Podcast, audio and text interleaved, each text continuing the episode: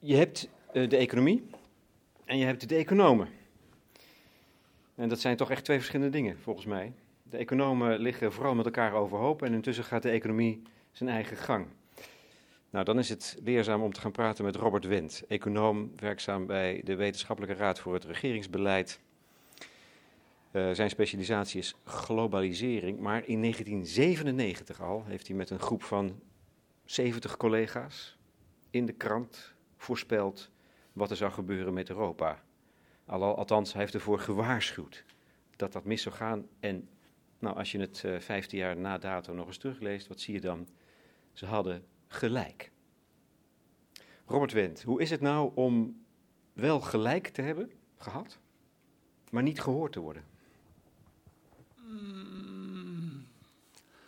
nou, het is wel gehoord hoor, dus dat valt wel mee, denk ik. Um, probleem beetje is met, uh, dat was ook met die oproep van die 70 economen toen, met uh, Kees Vendrik en Geert Reut heb ik toen dat eigenlijk op gang gebracht. Uh, het probleem is dat we te vroeg waren, of te laat misschien wel. Op dat moment vond iedereen dat we te laat waren. Dus ik weet nog wel, minister Zalm kwam op tv in, in Buitenhof toen al, denk ik. En die zei dus dat wij gevaarlijke economen waren. En dat was, want wij wilden de inflatie enorm opjagen. Nou, dat stond er helemaal niet in. Maar um, dus toen was het eigenlijk, jullie zijn te laat, want het is al besloten. En we waren misschien te vroeg gegeven wat er later gebeurd is, namelijk die enorme crisis waar we in terecht zijn gekomen. Maar goed, de bottomline van wat wij toen zeiden was van nou, het gaat gewoon niet werken om eerst uh, op een aantal uh, redelijk arbitraire criteria landen te laten convergeren. Dan een munt introduceren en met het idee dat dan de rest vanzelf wel volgt, dus politieke en sociale integratie, dat gaat niet werken. Nou, op dat punt hebben we gewoon gelijk gehad. Hetzelfde verhaal kun je trouwens voor globalisering ophangen, precies hetzelfde. Daar komen wij zo meteen nog uitvoerig over te spreken. Je werkt overigens nu voor de Wetenschappelijke Raad. Uh, we zitten hier aan de overkant van, van het Binnenhof, aan het Buitenhof. Dus met, met, met zo'n beetje uitzicht op de macht. Is dit een. Ja, ja, daar lach je om, maar zo is het wel, of niet? Ja, als je de macht bij het parlement legt in, uh, in een land, dan is dat wel zo. Ja. Dat doe jij niet? Nou, voor een deel natuurlijk wel. Voor een deel wel. Maar het is ook wel macht bij bedrijven bijvoorbeeld. Dus er zijn ook nog wel andere machtscentra. Maar nee, dat is. Uh, maar ja, ik weet niet wat je, wat je vraag je wil vragen. Nou, of dit een goede plek is om uh, economie te bedrijven? Um, ja, ik vind het wel. Het, um, ik heb hier voor zeven, voordat ik hier kwam, heb ik zeven jaar bij de Reekkamer gewerkt. Dus dan kijk je achteraf of uh, eigenlijk de overheid gedaan heeft wat ze zei dat ze zou gaan doen.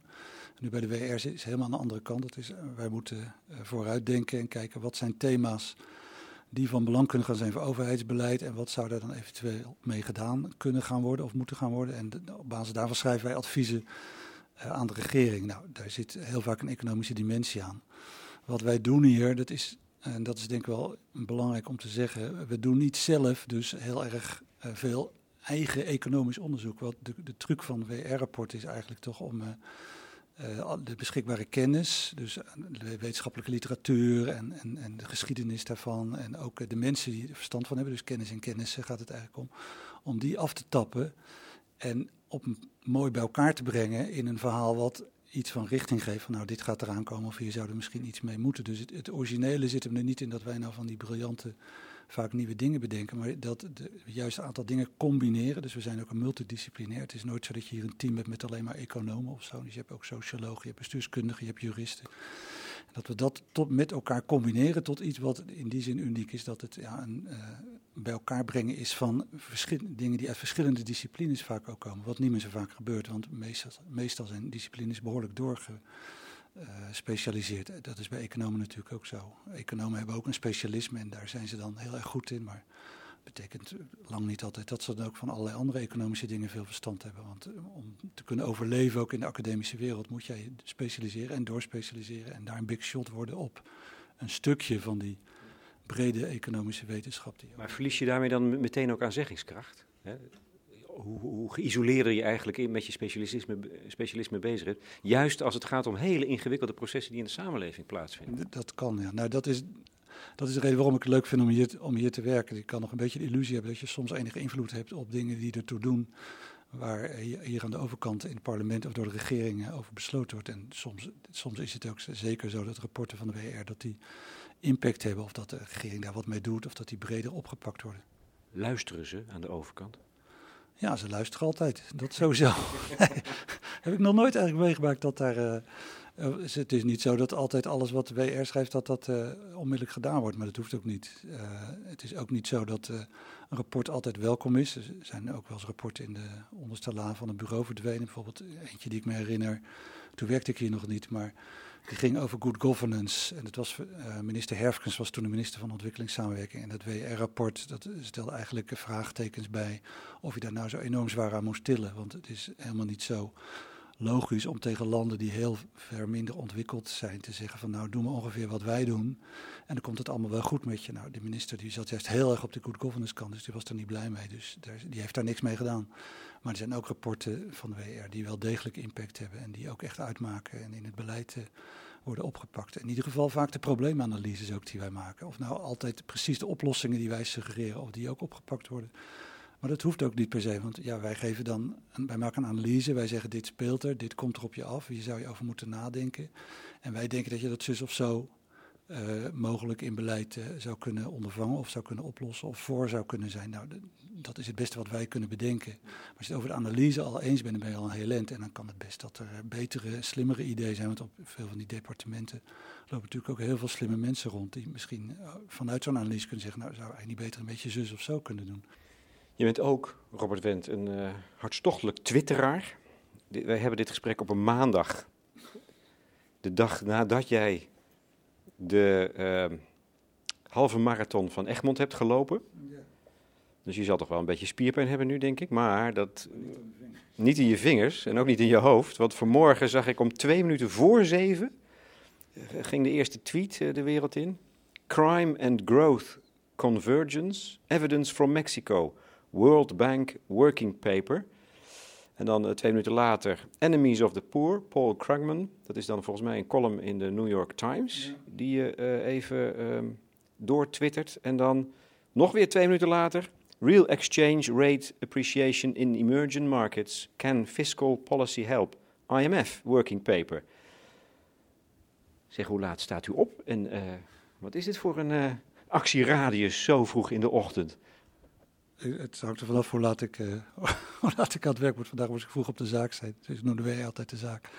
Dus toen was ik om half zeven op, uh, was ik uit bed. En dan is een van de eerste dingen is, na de krant even vlug scannen, is dan kijken wat er op Twitter speelt. En vooral, wat dat is eigenlijk wat ik vooral doe, via RSS-feeds. Een aantal sites, er zijn er wel heel erg veel intussen. Maar goed, heb ik dan weer subcategorieën, must-read en dingen die ik wat minder vaak kijk die dan scannen. En ja, wat ik gewoon doe is dingen waarvan ik denk dat is misschien ook voor andere mensen interessant.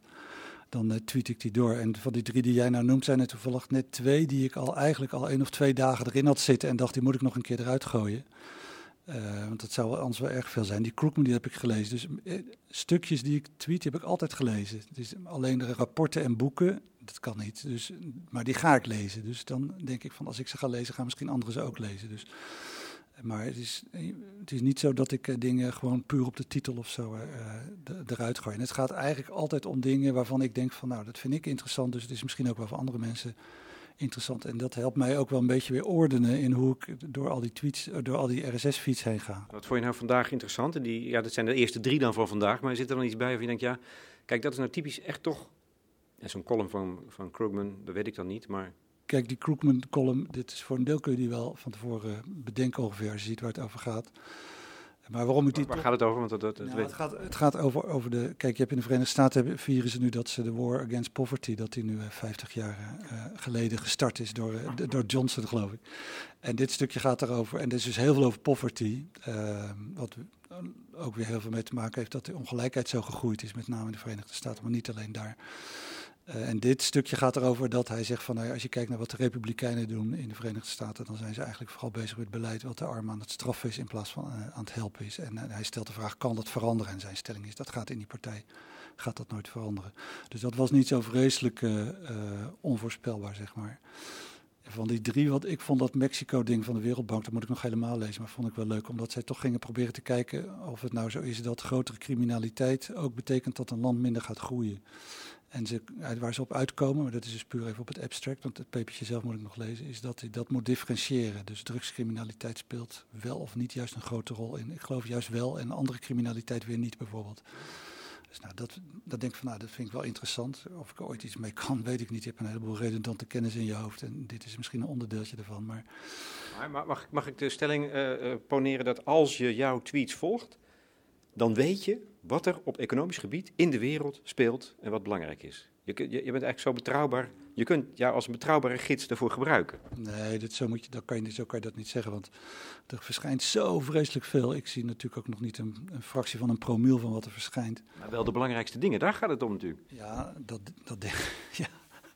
ja, nou ja, kijk, de, de, dingen die ik belangrijk vind. Dus, dus ja, je, wat, de, term vind ik wel mooi. Die wordt vaak gebruikt voor mensen die uh, links twitteren, wat ik ook doe, want ik doe bijna nooit meningen, maar ik, ik, ik tweet links. Worden vaak wel curator genoemd tegenwoordig en curator. Dat vind ik eigenlijk wel een mooie term. Dus. En dat is ook voor een deel wat, ja, dat is ook een, denk ik, een, uh, iets wat belangrijker gaat worden door die enorme hoos aan tweets en RSS-feeds en rapporten en uh, boeken die er is, wat natuurlijk uh, nog steeds zich enorm uitbreidt. Omdat je niet alles kan volgen, gaat het vaak ook erom om de mensen te identificeren die die dingen doorgeven die in jou, op, beetje ook op jouw terrein liggen. Dus ik heb bijvoorbeeld Mark Thoma, dat is een econoom, ik heb de goede man nooit gezien, maar uit de Verenigde Staten. Nou, dat is zo iemand waarvan ik weet dat, die moet ik elke dag even kijken, want die heeft elke dag 15 eh, of soms wel 20 links naar dingen die ik deels zelf ook heb via RSS-feed, maar deels niet kende nog. En dat is dus een curator voor mij, zo zijn er nog wel een paar die heel nuttig zijn en die dus in die brei aan materiaal, dus als je geïnteresseerd bent in globalisering en als je geïnteresseerd bent in... Uh, kwesties als ongelijkheid en, uh, in, en global governance, hè, dus alles wat daar ook mee te maken heeft, ook met de opkomende economieën, dus globalisering echt in brede zin.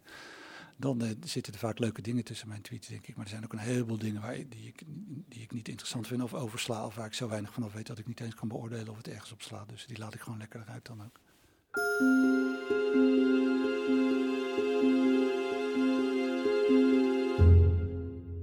Global governance. Nou, dat is het grote thema waar, je, waar jij hier bij de WRR natuurlijk ook uh, uh, nou, bijna uitsluitend denk ik mee bezighoudt.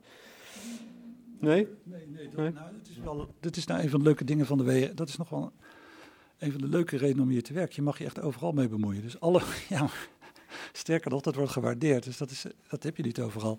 Want alle, alle projecten die wij doen, die komen allemaal regelmatig langs op, uh, op uh, stafvergaderingen. Dus we hebben een raad, dus dat zijn zeven, geloof ik, hoogleraren die drie dagen per week voor de WR werken, de voorzitter fulltime.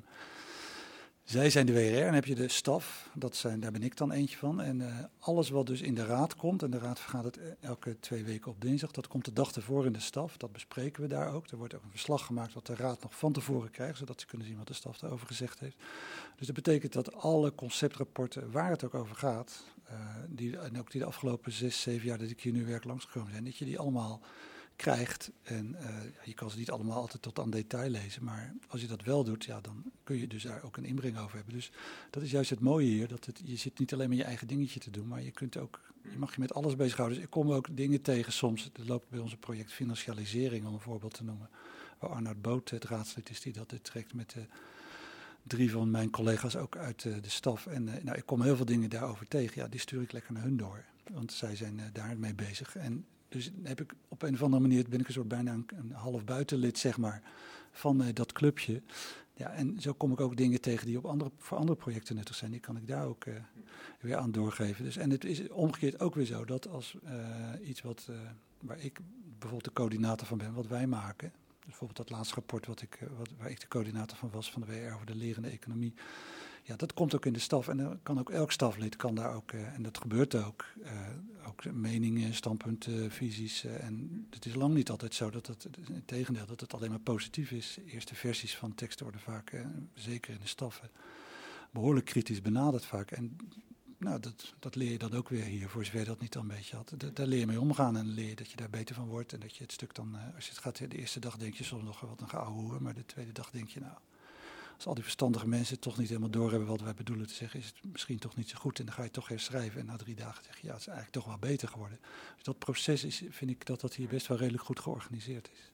Wat wij doen is, wij moeten wetenschappelijke uh, uh, verantwoorde literatuur, moeten wij op een uh, ook wetenschappelijk verantwoorde wijze verwerken. En, maar wat dan het specifieke voor de WR is, en dat is ook wel iets wat mensen die net bij ons komen vaak nog even wel in de vingers moeten krijgen. Want dat is namelijk ook dat is helemaal niet zo makkelijk.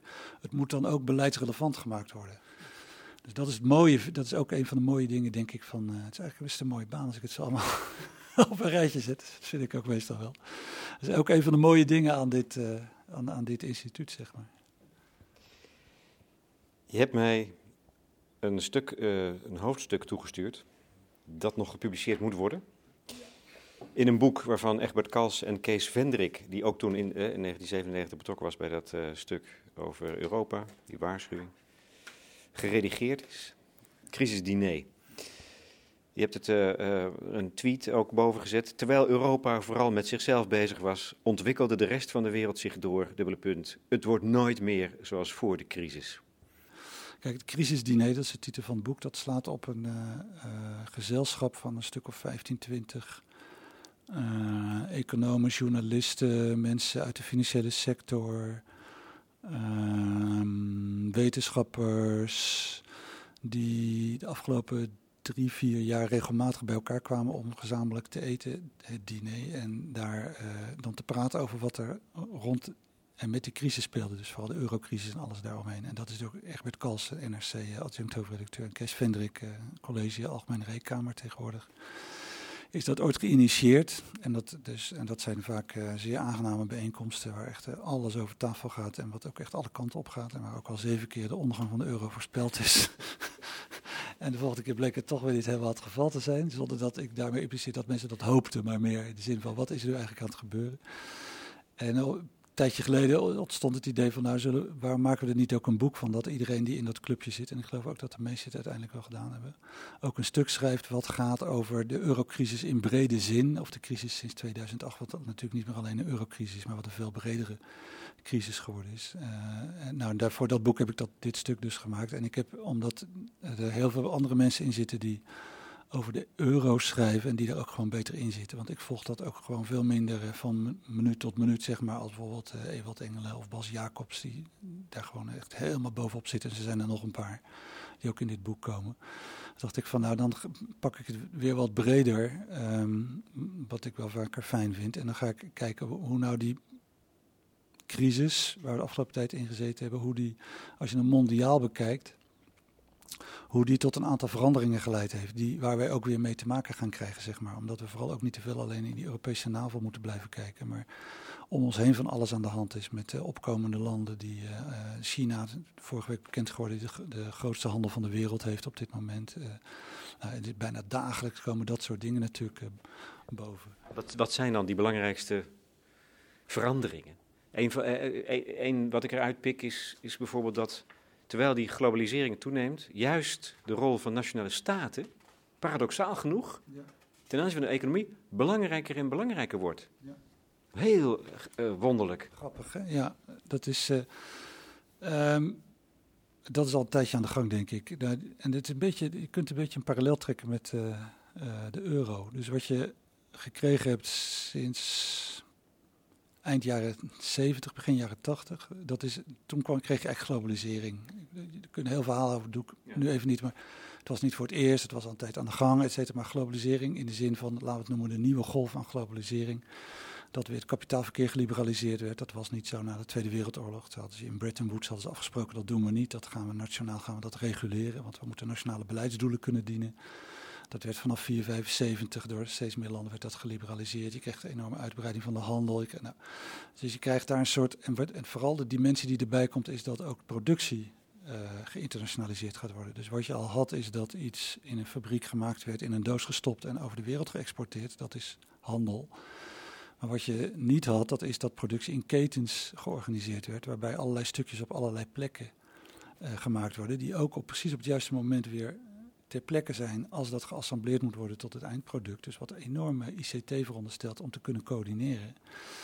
Uh, dat had je toen niet. Dus wat je ziet is dat de productie zich ook heel erg is gaan uitspreiden uh, in die ketens uh, vanaf de jaren 80, 90 en vooral natuurlijk, nou, is enorm veel, dat is enorm veel verder gegaan. En wat voor, wat effect heeft het dan op nationaal niveau voor de, voor de nationale staten? Nou ja, wat je dus ziet, dat is dat uh, dus die economische processen, dat is eigenlijk de, de bottomline van uh, dit punt. De, de, economische processen zijn enorm geïnternationaliseerd. Uh, maar politiek dus de, de politieke processen, uh, de, global governance, als je dat uh, met een uh, vaak gebruikte term wil geven, of sociale globalisering, daar is eigenlijk heel erg weinig sprake van geweest. En wat je dus in die crisis hebt gezien, dat is dat. Dus, en er was een hele tijd een beetje het idee, dat is een beetje de link, denk ik, met Europa, van dat komt dan vanzelf wel. En je had ook je hebt die grote wereldtoppen had je voor allerlei dingen. En een tijdje leefde dat ook eigenlijk best wel wat op. Uh, maar op het moment van crisis, wat je dus gezien hebt, is dat uh, er één keer zo'n top wat opleverde. Dat was net aan het begin. Toen moest echt de G20 wat doen, anders was de hele wereldeconomie in elkaar gedonderd. En toen is dat ook gebeurd. Maar daarna was die enorme druk eraf en is dat eigenlijk ook nooit meer gelukt. En heeft die top en een heleboel andere toppen steeds minder opgeleverd. En wat je dus uh, ook gezien hebt in die crisis, ook in Nederland, het waren nationale staten met belastinggeld van burgers in land X of land Y die de banken overeind gehouden hebben. En het zijn ook weer die burgers in land X of land Y die de bank, hun banken in land X of land Y uh, die dat geld wat daar aangegeven is, die dat ook weer met belastinggeld uh, zullen moeten gaan opbrengen. Dus toen zag je dat er iets, dat daar, dan zag je heel erg duidelijk dat uh, de hele idee van, nou die nationale staten worden eigenlijk steeds minder belangrijk. Er is ook heel over getheoretiseerd van, ah die lossen op en weet ik het allemaal, ben ik altijd heel sceptisch over geweest. En ja, wat je dus toen zag, dat was dat die nationale staten eigenlijk ja, cruciaal waren om, want er waren gewoon op wereldniveau of op Europees niveau bestonden al die mechanismes niet en kreeg je, je had ook, je hebt ook geen pooling van middelen waarmee het opgelost wordt. En ik, ik, ik hou niet van voorspellen, maar ik durf je wel op een briefje te geven. Dit krijg je de komende 10, 20, 30, 40 jaar ook niet te zien. Op wereldschaal dat dat wel gaat gebeuren. Omdat toch weer dit idee van ja, er zijn nationale verschillen. En we hebben ook vaak andere ideeën net dan, eh, andere, dan andere landen over hoe we dingen willen organiseren. Omdat dat toch meer, uh, weer meer terug is gekomen in die crisis. En het heeft ook mee te maken dat je, uh, er een aantal landen heel sterk zijn opgekomen. Uh, die waren al in opkomst, maar die zijn veel duidelijker naar voren gekomen. Dus de BRICS worden ze wel genoemd, of uh, je hebt nu weer de TIMS, geloof ik. Maar er is echt een heleboel van die landen die zijn op, die, waar de overheid en de staat toch een centralere rol speelt uh, dan in veel van de, zeg maar de al gearriveerde rijke landen, de OESO-landen. Ja, en dat, daar wordt toch deels, dus ja, er wordt deels naar gekeken met, god, dat is iets waar we misschien toch eens naar moeten, iets van kunnen leren of zo. Dus ja, het is een hele tijd geweest dat alles wat te maken had met een overheidsrol in, uh, in de economie, dat dat toch heel erg uh, gezien werd als dubieus of zo. Nou, als je ziet dat al die landen die opkomen, dat die overheid daar gewoon een enorme rol vaak speelt, ja, dan is dat toch iets om nog eens even over na te denken. Zijn we daar misschien niet in doorgeslagen? Dus dat, is ook een, dat speelt daar ook heel erg mee. Dus je hebt zowel aan de ene kant dat nationale staten echt de boel overeind hebben moeten houden. Wat al met ook enorme toename van verschillen tussen nationale staten. Kijk ook maar in Europa, natuurlijk die zuidelijke landen ten opzichte van die noordelijke. En die opkomst van nieuwe landen die uh, belangrijk en groter worden. En daar kun je twee houdingen hebben ten opzichte van het laatste. Je kunt iets badinerends hebben van ze, nou, ze worden geleid, ze worden, of ze worden net als ons, en anders stort het daar wel in, in China en India. De, ik denk dat dat dan juist is. Maar de tijd zal het leren. Want je kunt ook zeggen van nou ja, misschien is dat toch iets waar we uh, eens goed naar moeten kijken. Omdat daar misschien elementen in zitten uh, waarmee wij uh, ook kunnen verbeteren hoe we de dingen ja. hier aanpakken, zeg maar. Ja, want, want, dat is dan een tweede belangrijke verandering. En je, je zegt het al, dat je niet van voorspellen houdt. Maar laat ik dan op, op, op, op zijn minst stellen dat, er een, dat je een tendens signaleert. Dat het einde van het neoliberalisme in zicht is. Hardcore neoliberalisme. Goed nieuws, zou ik zeggen. Ja, zou ik ook zeggen als het zo was. Nou, er zit wel, is, ook hier krijg je dan weer, dus dat wil ik niet, want dat is hoeveel, uh, hoeveel engelen passen er op de knop van een spel. Dus je kunt een enorme discussie gaan voeren, wat is nou precies neoliberalisme en wat niet. Dus laten we dat gewoon laten we dat niet gaan doen. Wat je wel, denk ik, ziet, is uh, dat er een heleboel uh, dingetjes zijn die gebeuren in landen, maar ook in internationale organisaties, die toch echt wel veranderingen zijn ten opzichte van wat toch een beetje, nou, het hardcore idee was uh, in uh, dat, uh, wat ik dan ook maar, niet zo heel vaak, maar nu ook maar even neoliberale beleid noem. Wat vaak in die Washington Consensus, dus die tien, is samengevat. Dus in die tien punten die de Washington Consensus, de IMF en de Wereldbank, die tegen ontwikkelingslanden zeiden, dit moet je ongeveer doen. En dan komt het allemaal wel goed met je, zeg maar. En dat was dus liberalisering, kapitaalverkeer, nou, roloverheid terugdringen. Nou, allemaal van die standaard dingen, zeg maar. En wat je de afgelopen tijd, eh, denk ik, uh, sterker hebt gezien... en dat krijgt, kan ook meer aandacht krijgen... omdat het natuurlijk niet zo goed gegaan is in de meeste uh, rijkere landen... dat is dat op allerlei punten landen er toch net iets anders gingen doen. en dat daarmee dus dat hele monolithische Ik denk dat dat een belangrijk punt is. Dat monolithisch, dat je alles maar op één manier kan doen. Dat dat eigenlijk uh, steeds meer uh, uh, doorbroken is. Om er een voorbeeld van te noemen. Er staan in dat stuk staan, een, staan er een heleboel, maar ik vind er twee wel leuk om te noemen. Eentje is, um, daar hadden we het eerder over. Na de Tweede Wereldoorlog heb je die periode gehad met dat kapitaalverkeer gereguleerd werd, 1945 tot 374, zeg maar. Dat was in Bretton Woods, was Keynes was daar en Harry Dexter White was de onderhandelaar van de Verenigde Staten.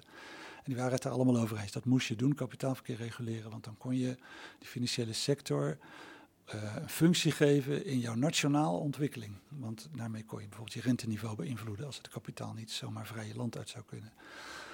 Nou, dat heb je gekregen met de, ja, met de Thatcher, Reagan, eh, die hele neoliberale omslag eind jaren 70, dat het kapitaalverkeer werd geliberaliseerd. De IMF, opgericht natuurlijk vanuit Bretton Woods, had in eerste instantie ook die kapitaalcontroles erin. Uh, begon ook steeds meer van, nou, dat is eigenlijk alleen maar slecht controle op grensoverschrijdend kapitaalverkeer.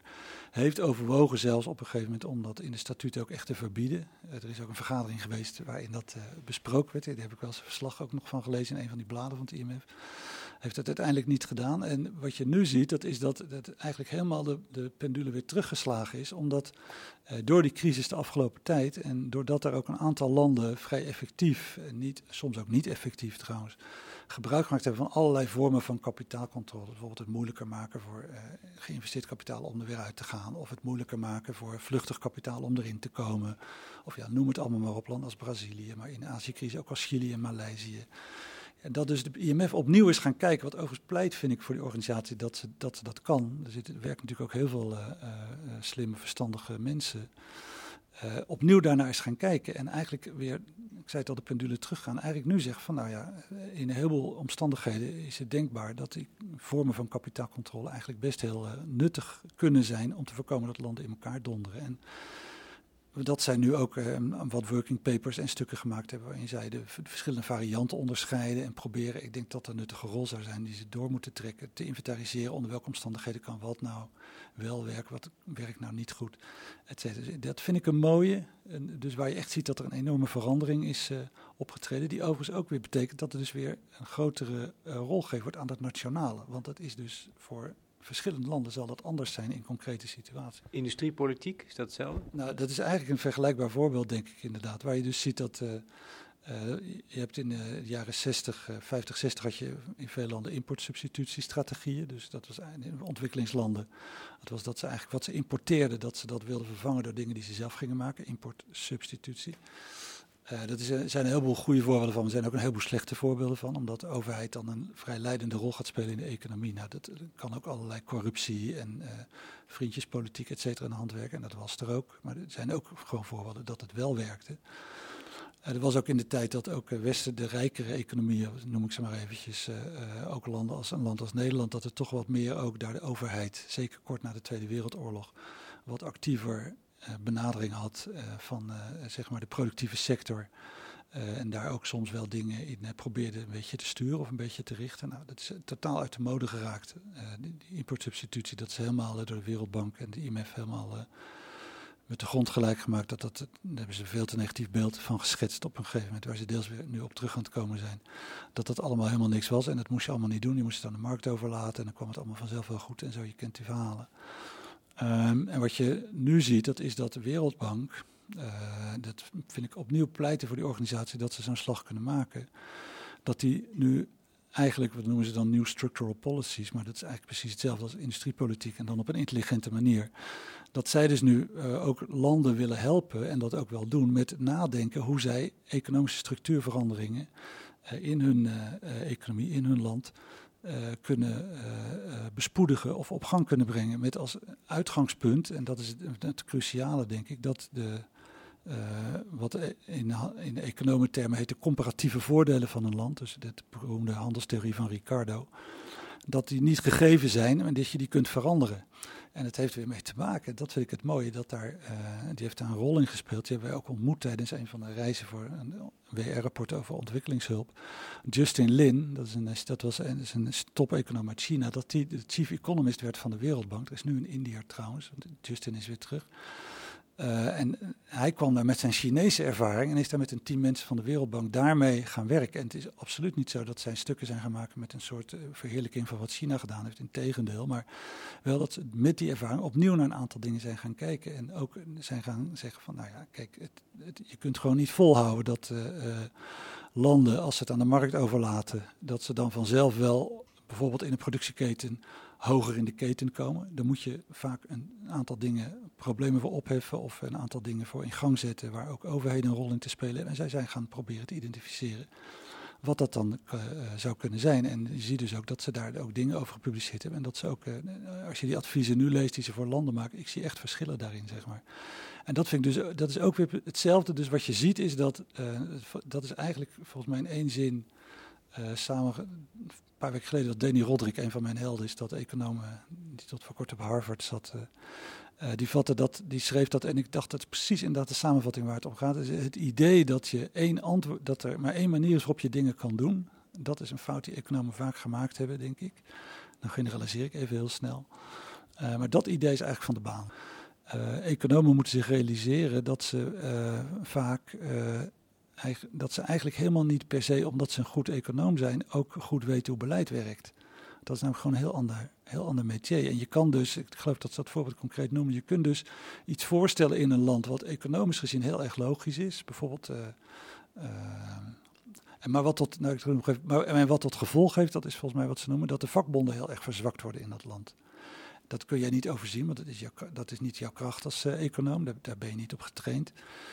Maar het gevolg daarvan kan wel zijn dat je iets eigenlijk hebt uh, gepusht wat op het moment dat het uitgevoerd wordt tot gevolg heeft dat de positie van de werkende verzwakt in zo'n land en dat de sociale verschillen enorm daarin gaan toenemen of zo. En dat is dan wel een soort bijeffect van iets wat je niet hebt voorzien en wat je, niet, wat je misschien niet hebt kunnen voorzien, maar wat wel ook enige voorzicht tot enige voorzichtigheid maand. Uh, dat vind ik soms wel. Dat, uh, het aplomp waarmee, uh, en het zijn niet alleen economen maar goed, daar let ik dan meer op omdat ik het zelf ook ben. Soms zeggen van als de overheid nou maar dit en dit zou doen en die idioten die, die snappen het maar niet en als ze nou zo en zo zouden doen, dan komt het allemaal wel goed. Ja, dat is wel soms wel erg makkelijk, denk ik. Want dat, die hele politieke kant eraan en dat ook wel soms ergens gewoon eens een keer een meerderheid ook ervoor gehaald moet worden door politici. En dat er ook negatieve bijeffecten kunnen zijn. En dan is het natuurlijk degene die het gepropageerd heeft, is er weer met zijn volgende onderzoek bezig. Dat valt er soms een beetje uit, ja. vind ik. Dat pleit nog maar eens voor het idee dat je economen beter kunt vertrouwen naarmate ze meer in staat zijn om over de grens van hun eigen, eigen vakgebied heen te kijken. Dat is een beetje de rode draad van dit gesprek aan het worden. Ja, maar, ja, maar daar, zou ik wel voor tekenen voor dat dat een goed idee is om dat te proberen te doen. En dan ook vooral in de gaten te houden dat je dan ook wel bescheiden moet zijn, omdat je daar gewoon ook de economieopleiding in elkaar zit. Dat is gewoon niet waar je heel erg op getraind bent of zo. Zoals centrale bankiers bijvoorbeeld, die nu dus de afgelopen tijd de, de grote helden zijn geweest om de, de wereldeconomie overeind te houden. Uh, bijvoorbeeld de Verenigde Staten met name die bank met wat dan quantitative easing. Dus dat je eigenlijk uh, de overheid uh, schuldpapier gaat opkopen en zeg maar de geldhoeveelheid die in omloop is vergroot. Ja, dat heeft ook welvaartseffecten. Dat komt, aan, dat komt niet aan iedereen in de bevolking in gelijke mate ten goede. En er zijn ook wel wat onderzoekers die laten zien dat dat vooral meer aan de bovenlaag ten goede komt. Nou, de centrale bankiers zijn natuurlijk totaal niet geëquipeerd om, daar zijn ze ook niet voor opgeleid om daar rekening mee te houden in hun beleid. Want ja, dat is gewoon een vak apart, zeg maar. Dus, dat, dus het, dat je breder moet kijken, dat deel ik. Dat is eigenlijk natuurlijk ook hoe de economie begon. De politieke econoom Ricardo Adam Smith, Karl Marx, you name them, Malthus. Die hadden allemaal, die waren allemaal, heel, hadden allemaal hele brede verhalen. Hadden die, dit. die hadden niet een soort economiestukje afgeperkt, maar die hadden keken naar de brede maatschappelijke trends en welke kant dat opging. En daar kan je niet meer naar terug waarschijnlijk op die manier, maar iets daarvan in de, uh, proberen uh, voor elkaar te krijgen, ik denk dat dat wel helpt.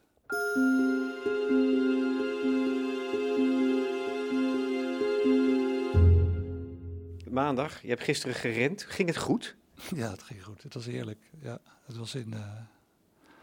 Uh, ik ga het mij niet om de snelheid, want dan, dan moet ik gewoon niet meedoen. Maar dat, dan kan bijna niemand lopen, toch? Want ik geloof het wereldrecord onder, voor de halve marathon voor mannen is geloof ik onder het uur. En ik ben heel trots op mijn 2 uur 10 die ik dan loop in uh, Egmond. Maar daar gaat het niet om. Het was gewoon een prachtig uh, loopje was het. Waarom doe je het? Um, nou, ik doe het al heel lang om me fit te blijven. En ook om uh, af en toe even nergens aan te denken. Dus dat is ook fijn als je, als je door de week loopt, zeg maar. om iemand heeft wel eh, het is goedkoper dan een psychiater hardlopen. En volgens mij is dat trouwens ook zo. Alleen je moet alleen af en toe schoenen kopen. En ik, eh, ja, het is gewoon, eh, dus op een gegeven moment is het gewoon lekker om dat te doen. Doet toch pijn juist? Nee, ja, maar goed, jij hebt mij verteld, jij rijdt racefiets. Dat heb je toch, dan merk je ook wel dat je pijn in je zadel, uh, en dat doe je ook nog steeds, toch? Dus dat zijn dingen, dat merk je sterker nog, dat hoort er een beetje bij. Toen ik voor het eerst een marathon had gelopen, dat doe ik niet meer. Had ik gewoon, vijf dagen lang stond ik op met spierpijn. dacht ik, ah fijn, ja, dat komt door die marathon, weet je. Dus dat is bijna heroïek dan. En dat heb je, als je, ik loop nu al 25 jaar, niet veel, maar dan heb je dat eigenlijk niet meer zo erg ook. Jij noemde net de naam van Arnold Boot. Die is kennelijk ook um, hier in de uh, WRR, uh, ja, die, die je tegenkomt. Um, die, die sprak ik, ik geloof twee jaar geleden. Ook, ongeveer, ook in januari, in het begin van het jaar. Een nieuw jaar begon. En toen had hij net een pleidooi gehouden voor zijn studenten in Amsterdam. Dat ze uh, meer hun idealisme in moesten zetten. Hoe zie jij dat? Is, is dat eigenlijk iets wat ook ontzettend belangrijk is om juist als, het, als je e-, economisch denkt of nadenkt over wat economie is, juist te blijven verbinden met uh, idealen? Ik zeg het omdat zo vaak economen uh, de dingen voorstellen alsof ze uh, onvermijdelijk zijn. Eigenlijk denk ik dat. dus ik vind het een heel goed punt van Arnoud. Maar dat je ook dat je goed moet nadenken waar dat een rol gaat spelen, zeg maar. Dus en omdat het ook een. Uh, dat geef ik, zal ik zo een voorbeeld geven. Uh, het kan ook weer je functioneren als econoom, zeg maar, in mijn geval dan even, kan het ook weer lastiger maken. Dus ik denk zelf dat het, dat idealisme en uh, dat dat vooral een rol speelt bij de dingen waar je je mee bezighoudt en waar je over nadenkt. Of waar je probeert iets over te schrijven of waar je probeert enige invloed over uh, enige invloed op te krijgen. Dus wat ik bijvoorbeeld een enorme uh, item vind, maar de, dat is gewoon echt sowieso volgens mij een, een van de grote items uh, op dit moment waar bijna iedereen het over heeft. Dat is die enorme toegenomen ongelijkheid. Ja. Zeg maar, dus dat, de keuze om daar ook naar, dat, dat is geen toeval dat ik dat interessant vind en dat ik alles wat ik daarover tegenkom, dat ik dat tweet en zo. Dus omdat ik denk ook, ook dat het een issue of je, ziet ook dat het overal een issue is. Het is ook uh, de komende, en dat gaat vooral nog om inkomensongelijkheid, maar niet meer alleen. Het gaat ook om gezondheidsongelijkheid. Maar je krijgt, ziet nu ook dat opkomt vermogensongelijkheid, wat nog veel erger is dan inkomensongelijkheid. Dus daar, dus in die keus van waar je naar kijkt of wat je boeit, daar, daar zit denk ik iets wat iedereen op een bepaalde manier zal, uh, of niet iedereen, maar wat veel mensen zullen hebben, van de keus van je onderwerpen heeft te maken met uh, dat je er zelf ook betrokken bij voelt, of je er boos over maakt of uh, verontwaardigd over bent. Waar je volgens mij, uh, en dat zeg ik ook wel een beetje uit eigen ervaring, waar je weer dan mee uit moet kijken, dat is dat je niet te makkelijk in de wetenschappelijke literatuur ondersteuning gaat zoeken voor de dingen die jij vindt. En dat is eigenlijk heel raar, want want de verleiding is heel groot, zeg maar. Want kijk, het is in mijn geval, ik, volg dan even van de RSS-fiets en uh, blogs en zo. En met de keerzijde daarvan is trouwens dat ik minder de, al die, alle wetenschappelijke tijdschriften volg. Ik lees wel veel boeken nog daarnaast, maar dat doe ik veel meer gericht. Op een gegeven moment zoek je op een bepaald onderwerp en dan doe je een brede scan. Terwijl vroeger dan las ik eens 10, 15 van die journals, die las ik elke drie maanden. Nou, ik heb nu ook het idee dat het vaak... niet heel erg interessant is en ook heel erg achterloopt. Want voor je een artikel in, hebt geschreven en in een journal krijgt, ben je gewoon anderhalf, twee jaar verder. En voordat dat een boek is, ben je nog een jaar of twee jaar verder. Dus er zit enorme tijdspannen tussen wat, er, wat zich nu afspeelt en wat er in die journals zit. Dus dat is een keerzijde. Uh, maar wat je, uh, waar je toe in de verleiding kan komen, dat is om. dus dat is eigenlijk waar je moet, tegen moet wapenen door constant kritisch te blijven. Dat is om dan vooral die dingen de, die jou ondersteunen, daaruit te halen. En Paul Krugman, dat vind ik wel mooi, uh, kwam al eerder te sprake. Dat vond ik wel een mooi stukje. Die had op een gegeven moment iets over ongelijkheid. Uh, en hij schreef van ja, dus, uh, dat is een van de dingen die nu bediscussieerd wordt. Is het zo dat grotere ongelijkheid tot lagere groei leidt? Dat is een van de vragen die nu gesteld wordt. En Krugman schreef op een gegeven moment... Ik wou dat, het, dat ik zeker wist dat het waar was, maar ik ben extra achterdochtig, want het zou zo mooi samenvallen met wat mijn eigen morele keuze is. En hij is niet de eerste die zoiets zegt, maar ik dacht van ja, dat vind ik eigenlijk wel mooi. Want ik heb de WR is ook met ongelijkheid bezig. Vorig jaar hebben we een lectie erover gedaan. We zijn nu een bundel aan het maken die eind mei, in de loop van mei uitkomt over geld en ongelijkheid, geld en, en dan ondertussen haakjes. En ik ben toen de afgelopen tijd bezig geweest, onder andere met te inventariseren. Wat weten we nou over die relatie tussen ongelijkheid en groei?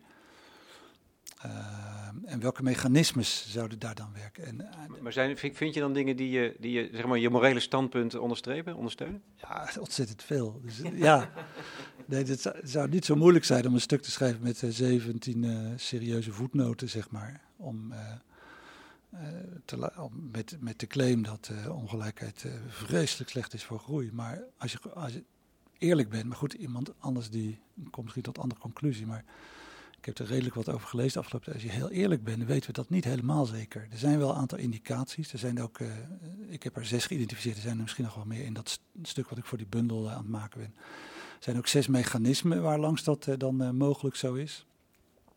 Maar het is ook zo, en daar, het is, daar is ook wel door uh, collega-economen in de Verenigde Staten opgewezen.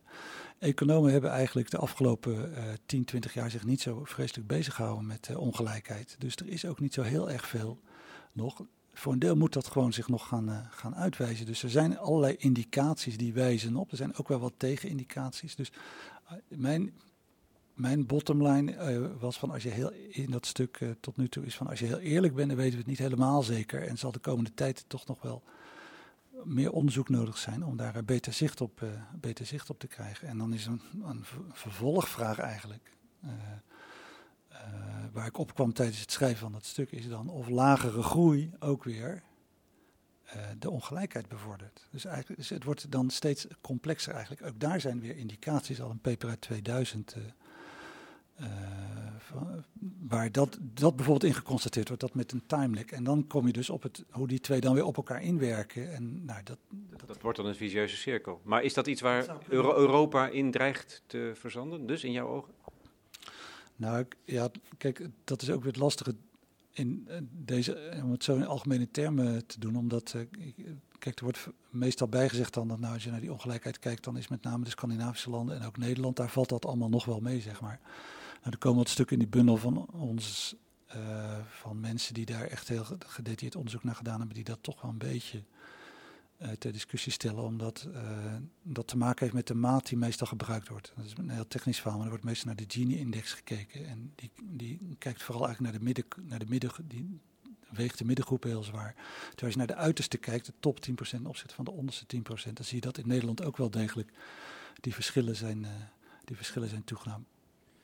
Was je zelf zo'n idealistische uh, jongeman? Ik heb me laten vertellen dat je als scholier al heel actief was en streed voor meer democratie en macht op de middelbare school. Bij iets wat heette uh, LAS, geloof ik. Ja, Leidsactiegroep Scholieren. Ja, ik, dat heb ik met een aantal uh, mensen zelfs opgericht, denk ik, toen de tijd. Was jij een rode rakker? Behoorlijk, ja. Ja, behoorlijk, ja. Um, en wat ik nog van de middelbare school leuk vond, is we hadden toen een leraar, een godsdienstleraar. En die bleek lid van de CPN te zijn. En het was een katholieke school. En toen had je nog de Communistische Partij Nederland, even voor de jonge luisteraars. Zit nu in GroenLinks, is opgegaan ooit in GroenLinks. Um, en die werd ontslagen. Die had een contract voor één of twee, werd ontslagen. En toen hebben we dus een uh, staking georganiseerd op, uh, op die school ook. En ik weet nog wel, een stukje hadden we in Vrij Nederland. En we hebben allerlei bijeenkomsten toen gehad en zo. En uiteindelijk is dat verloren. Maar nou, dat was een van de, eerdere, een van de eerste actieervaringen, zeg maar. En toen was er later een andere leraar in Leiden, weet ik, maar ik weet niet meer eens hoe die man heet. En daar hadden we toen ook zelfs op leidsniveau allerlei acties. Maar ja, het was gewoon echt een totaal andere tijd. Je had toen zelfs, ik woonde toen in Leiden, ik studeerde toen sociologie in Leiden, wat ik nooit afgemaakt heb. Dan ben ik later economie gaan doen. Je had toen zelfs in Leiden, je, wij spreken elke week, als je wel een, uh, een druk bezochte informatieavond over Chili of de dictatuur in Spanje of weet ik wat. En je had toen gewoon elke week als je in Amsterdam, uh, waar, je dan ook vaak naartoe kon, uh, als je demonstraties ergens voor of tegen, nou nu heb je er misschien twee per jaar of zo, weet je. Dus het is echt een heel, en die praat echt over een heel andere tijd. En die, ja, in die tijd was het zo dat ook op, onder scholieren wel, nou kan, ik, ik bedoel, ik, kan moeilijk zeggen dat er nu niks gebeurt, want ik heb er totaal geen zicht op wat onder scholieren gebeurt. Maar ik, zie, ik kom het in ieder geval niet tegen, laat ik het zo zeggen.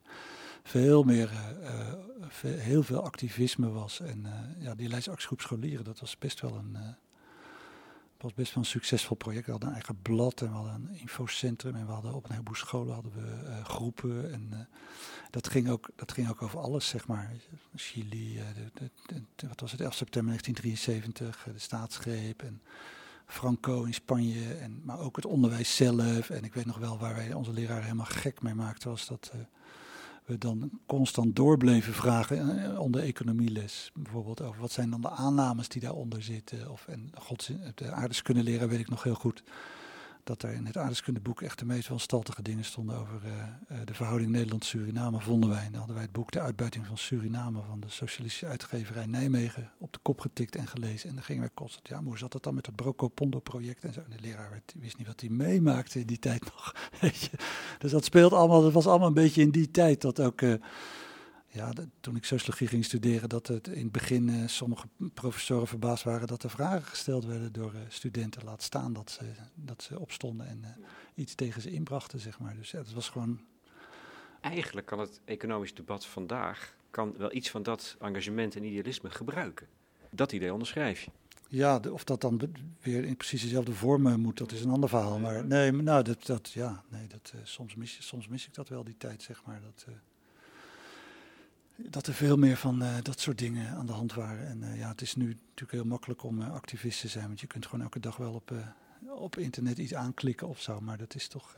maar of dat dan weer moet komen van die oude vormen, noem ik het dan maar even, oude vormen en gedachten. die wij in die tijd gebruikten, dat weet ik ook niet hoor. Dus het is ook niet zo makkelijk om dan te zeggen hoe dat precies wel moet. hoe dat precies wel moet. En het is ook niet zo makkelijk om te zeggen, dan moet je daar zijn of je moet zus. Of je moet zo, maar iets meer in het algemeen uh, van, ja, iets meer betrokken, iets meer ja, engagement of uh, betrokkenheid, zonder dat ik weet tegen wie ik me nou per se richt hiermee. Maar dat uh, zou ik niet, dat zou ik niet erg vinden, zeg maar. Heb je nog een ideaalbeeld ook? Je bedoelt waar het met de wereld heen zou ja. moeten? Nee, dat heb ik niet meer. Dat dacht ik vroeger wel te weten, maar dat, dat weet ik niet meer. Nee. Wanneer is het dan? Ben je dat kwijtgeraakt? Ja, ik weet het niet. Dat is het heeft ook met leeftijd te maken, denk ik. Dat is het makkelijke antwoord. Dat je steeds minder dingen zeker weet. Zeg maar. Je weet wel waar je niet, wat, je niet, wat je niet wil, wat je niet goed vindt, maar dat je minder precies weet hoe het wel moet, zeg maar. Um, het heeft ook met de verandering van de tijd te maken. In uh, een tijd dat ik uh, studeerde en op de middelbare school zat, uh, ja, had je nog een heel breed actiemilieu. En dat, waar, je, waar je in onder kon dompelen. En ja, waar je ook van kon denken dat, het, uh, dat iedereen bijna zo dacht, wat niet zo was. Maar goed, dat, dat is wat je voor een deel had. En ja, op een gegeven moment dan uh, kun je daar heel veel tijd ook aan besteden en heel veel mee kwijt zijn. Ik, ik, heb, ik ook helemaal geen spijt van al die acties die we in die tijd deden. Integendeel, ik heb ook vreselijk veel van geleerd. Ik heb ook heel erg veel van geleerd om heel veel Marx te lezen en dat soort. Uh, en Ernest Mandel was ook een van mijn grote helden, Marxistische econoom uit België. Ik heb echt heel veel van geleerd. Helpt mij nog steeds om de wereld als een geheel te benaderen. Wat uh, gewoon helemaal met de paplepel ingegoten is, zeg maar, in die tijd dat ik al op mijn 17e en mijn 18e politiek actief was en naar scholingsbijeenkomsten ging. En dan gingen we, boeken, gingen we hoofdstukken van het kapitaal lezen en dat soort dingen. Wat gewoon duizenden mensen in Nederland gedaan hebben. Vergis je niet, je had toen bij uh, de, de Sun had je toen een uitgave, Marx, uh, inleiding in de Marxistische economie van Ernest Mandel, de Belgische econoom. 80.000 van verkocht. Ik weet nog wel dat een keer toen ik met, met Ernest daarover had en nog bij mensen dat hij toen zich nog steeds voor zijn kop sloeg, hij had helemaal geen royalties gevraagd. hij was al blij dat het vertaald werd. En daar was die man helemaal niet op geld uit, maar daar had hij het voor goede projecten kunnen gebruiken. Maar hij heeft er nooit een cent voor gekregen bijvoorbeeld. Maar moet je nagaan, 80.000 mensen, dat, is, dat krijg je nu volgens mij alleen nog maar voor 50 gulden reis of zo. En toen had je dus inleiding Marxistische economie in een onooglijk boekje, wat dus 80.000 mensen gingen kopen in een linkse boekhandel. En, uh, in allerlei groepjes aan het bespreken waren, zeg maar. Dat was gewoon echt een totaal andere tijd. En waar dan precies dat omgeslagen... Ik, bijvoorbeeld Nicaragua in 1979 was dat, had je natuurlijk die Sandinisten. Nou, daar, was ik, daar was ik erg mee begaan. Dat vond ik echt uh, prachtig. Maar ja, dat, heel veel van dat soort dingen, die worden het dan uiteindelijk toch weer niet. En dan... Maar heb je te veel teleurstellingen? Ze verloren het daar in Nicaragua, de, de, de vrijheidsstrijders. Nou, dat was dan weer het mooie van de, de, de stromingen waar ik in zat, dat was ook wel bijna voorspelbaar dat ze het zouden verliezen. Want uh, het, in één land, maar dan ga ik wel helemaal de discussie uit die tijd in, één land zou dat nooit kunnen lukken. Dat was eigenlijk al de grote discussie in, uh, begin van de 20e eeuw tussen Stalin en Trotsky. Daar ga ik nu heel wel even naar terug. Dat Stalin het socialisme in één land wilde vestigen, terwijl de, de, de Trotsky en de zijnen, zeg maar, en NS Mandel was weer een voortzitter daarvan, zeiden van dat kan nooit in één land, want het kapitalisme is een wereldsysteem. En dat als je dat in één land probeert te doen, het para, paradijs tussen aanhalingstekens te bereiken, dat gaat je gewoon niet lukken door die omgeving waarin je zit en die het jou ook moeilijk zal maken. Dat, en dat hielp ook weer om dingen als teleurstelling als Nicaragua en zo, om die te verwerken. Maar ja, dan is dat toch wat daaruit komt, wat blijft, dat je de wereld als een geheel moet blijven zien. Ja, dat is ook zo. Daar ben ik ook, daar ben ik ook heel blij mee dat ik dat. Uh, ja, voor, eh, voor mijn gevoel helpt mij dat wel vaak. De wereld blijft een geheel. Robert Wendt, dankjewel.